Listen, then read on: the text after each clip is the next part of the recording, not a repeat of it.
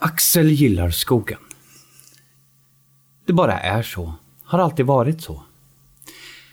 Ända sedan han var ett barn har han dragits till skogen och tillbringat många timmar i dunkel, bland träd och mossa. Lyssnat till ljuden som hör hemma där och hört dem dämpas av växtligheten. Lugnet. Den sällsamma frid som råder där inne bland de hemlighetsfulla gamla träden som sett så mycket passera förbi. Förundrats över tidlösheten, blivit förtjust över skatter som svampar och bär. Hittat det fina i ensamheten. Spänningen i att inte riktigt veta om man kanske hamnar öga mot öga med en älg eller en björn bakom nästa hörn. Risken att gå vilse som föräldrarna tjatat om när han var barn var inget han någonsin oroat sig för och numera gjorde ingen annan det heller eftersom han aldrig gjorde det. På många sätt kände han sig mer hemma i skogen än någon annanstans.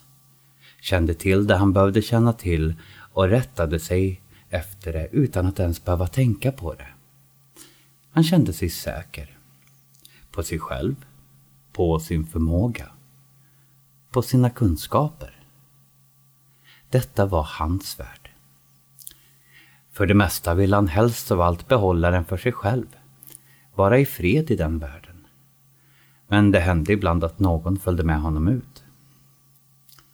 Det var under en sådan skogstur som Axels värld, som han kände den, plötsligt och helt utan förvarning kantrade så till den milda grad att det är frågan om han någonsin kommer att återfå sin tillit till naturen. Eller till sig själv för den delen. Och det som hör vad som hände känner sig nog också en smula brakt ur fattning, skulle jag tro. För det får en verkligen att fundera. Axel, en lugn och sansad person som står med båda fötterna på jorden. Han är inte den som blir rädd i första taget. Så bara det faktum att han faktiskt blev det skrämmer de som känner honom.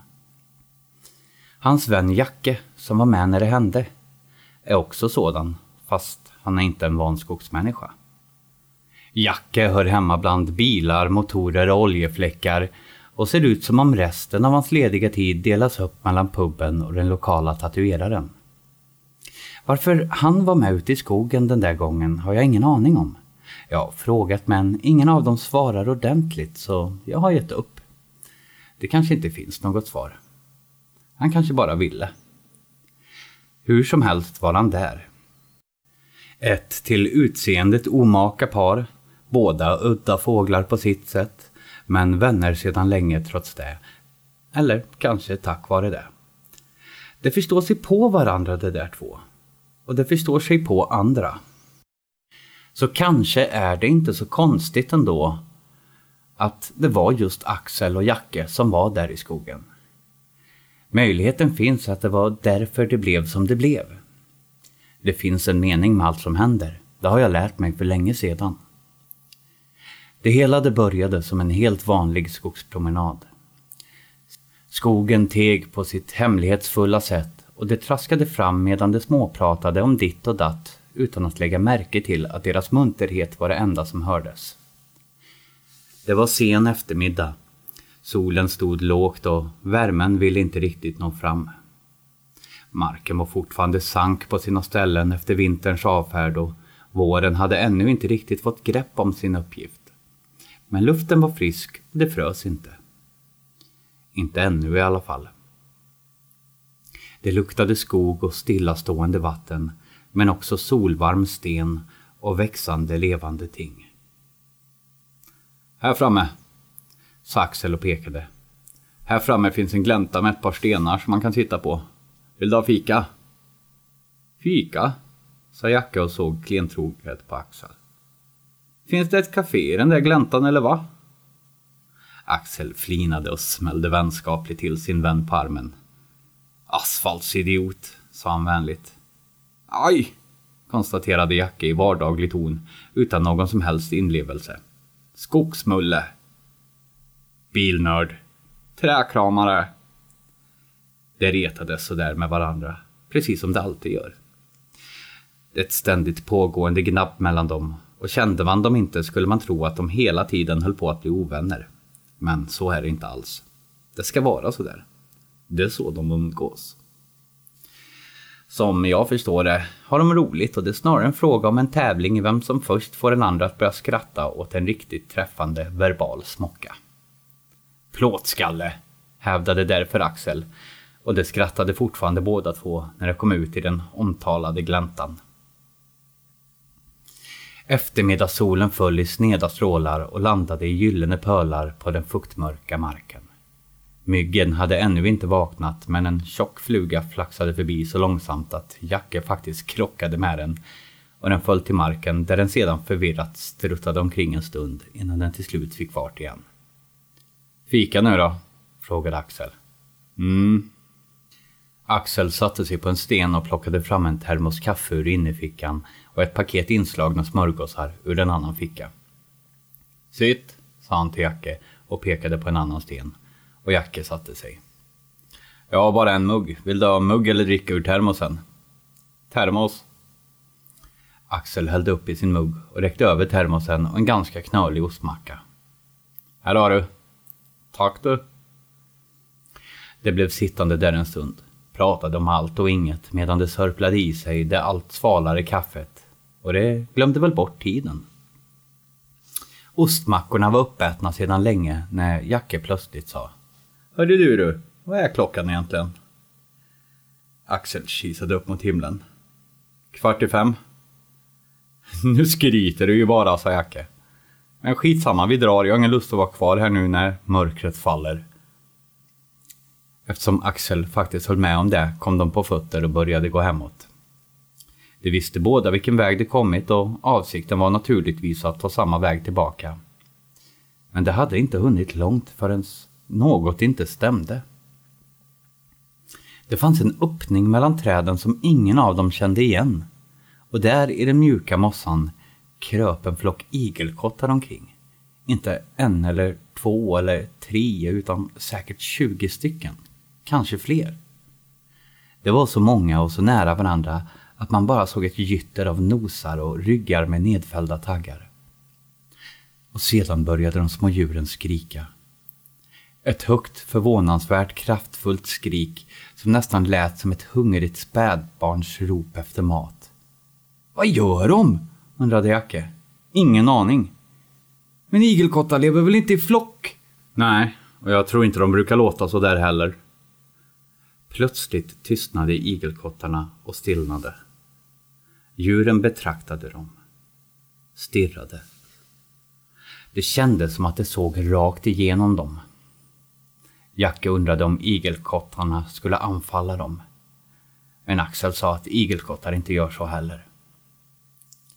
Sekunden efter började djuren röra på sig och gick sin väg, lugnt och i samlad trupp och snart var de utom synhåll. Vad konstigt, sa Axel. Det där har jag aldrig sett eller ens hört talas om. Innan Jacke hann säga något fylldes luften upp av ett välbekant men felplacerat ljud. Skogstroll, sa Jacka och höjde frågande ögonbrynen mot Axel. Skrotsamlare, sa Axel och skakade oförstående på huvudet. Och Jacke tyckte att han lät lite rädd. Det låter som en klocka som tickar, ett sånt här gammalt golvur. Ja, det gör det. Det började gå igen. Raskare den här gången. Ingen av dem sa något, men det var båda lite obehagliga till mots. Klockans tickande följde i deras fotspår, dämpade inte. Det gick och gick, hela tiden åtföljda av tick-tack, tick-tack. Bara för att till slut upptäcka att det var tillbaka i gläntan där de tidigare haft fikapaus och som nu var full av ekorrar som satt alldeles stilla och stirrade tyst på dem utan att visa någon rädsla alls. Detta fick Axel att tvärstanna medan Jacke valde att svänga runt på klacken och göra ett nytt försök med vägen de först kommit hit på. Men han kom inte många steg. För nu hände ett antal saker i snabb följd. Tickandet upphörde mitt i ett tick-tack, tick och lämnade en öronbedövande tystnad efter sig. Detta fick Jacke att vända sig frågande mot Axel och ekorrarna att snabbt ta till flykten allihopa på en gång och försvinna in i skogen utan att ge ett enda ljud ifrån sig.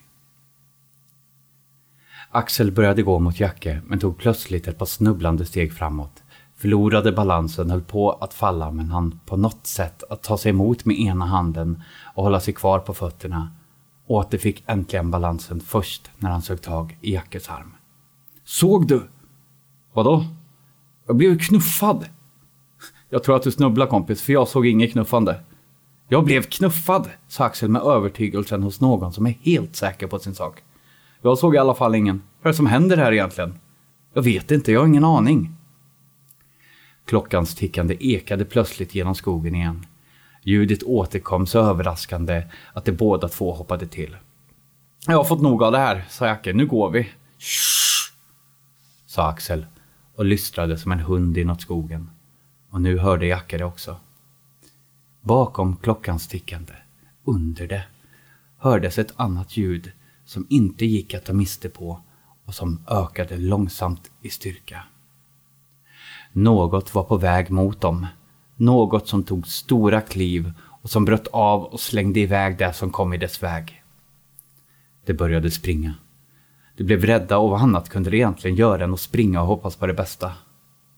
De hörde hela tiden stegen bakom sig. Hörde hur de långa kliven kom närmare trots att de själva sprang. Så det ökade farten. Det hjälpte inte. Stegen kom allt närmare och nu kunde de höra tunga, långa, ljudliga andetag bakom sig. Båda två såg sig om för att se vad det var som följde efter dem. Men de såg ingenting. Det fanns ingenting där. De hörde fortfarande stegen och andetagen. Men ingenting fanns där som ljuden kunde komma ifrån. Jacke snubblade över en rot som han inte såg eftersom han tittade bakåt och han tappade ena skon men brydde sig inte om det. Utan fortsatte bara springa och springa. Ja, jag vet inte var vi är, flämtade han. Han var svårt andfådd nu och hade problem att få fram orden. Axel var i samma dåliga skick och fick bara fram ett enda ord. Vilse! I samma ögonblick fick Jacke en hård knuff i ryggen som fick honom att i sin tur knuffa till Axel varpå båda föll till marken. En tiondel sekund förflöt när allt var tyst utom det eviga tick-tack, tick-tack. Nu är det kört, hann Axel tänka innan allt blev svart som natten. Svart som när mörkret faller. Morgonen därpå vaknade Axel som vanligt hemma i sin säng, precis som han brukade. Och därför tog det honom en sekund eller två innan han mindes vad som hänt kvällen innan. Däremot mindes han inte hur han kommit hem. Han mindes överhuvudtaget ingenting efter att han och Jacke föll omkull där ute i skogen och hur allt blev svart som om det fallit ner i en bottenlös brunn. Han satte sig tvärt upp i sängen och såg sig omkring när han insåg detta. Skannade rummet efter Jacke och efter ledtrådar till vad som kunde ha hänt. Något som kunde ge honom minnet tillbaka. Förklara varför han plötsligt var hemma och varför han inte mindes vad som hänt. Ja, det måste ha varit en mardröm, muttrade han för sig själv medan han fick på sig kläder och gick ut i köket för att fixa frukost.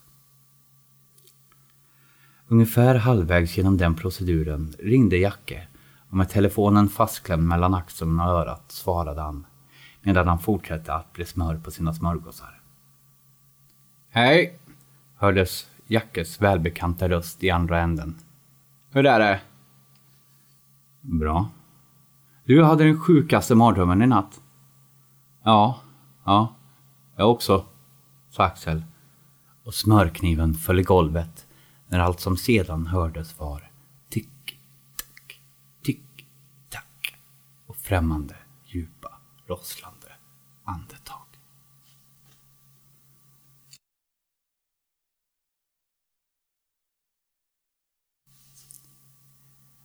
Ni har hört När klockan tickar.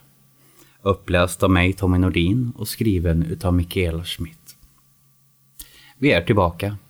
Det sa vi förra gången också. Men eh, saker i livet förvirrar tiden helt enkelt. Som ni kanske har hört. Och trots att vi inte haft något TikTok här så har det varit fullt upp ändå. Men jag garanterar er att så länge Mikaela fortsätter skriva, eller ni skickar in historier också, så kommer podden att fortsätta. Jag kan inte lova att det blir kontinuerligt, men jag kan lova att den inte kommer att ta stopp. För det finns alltid någonting att berätta när mörkret faller.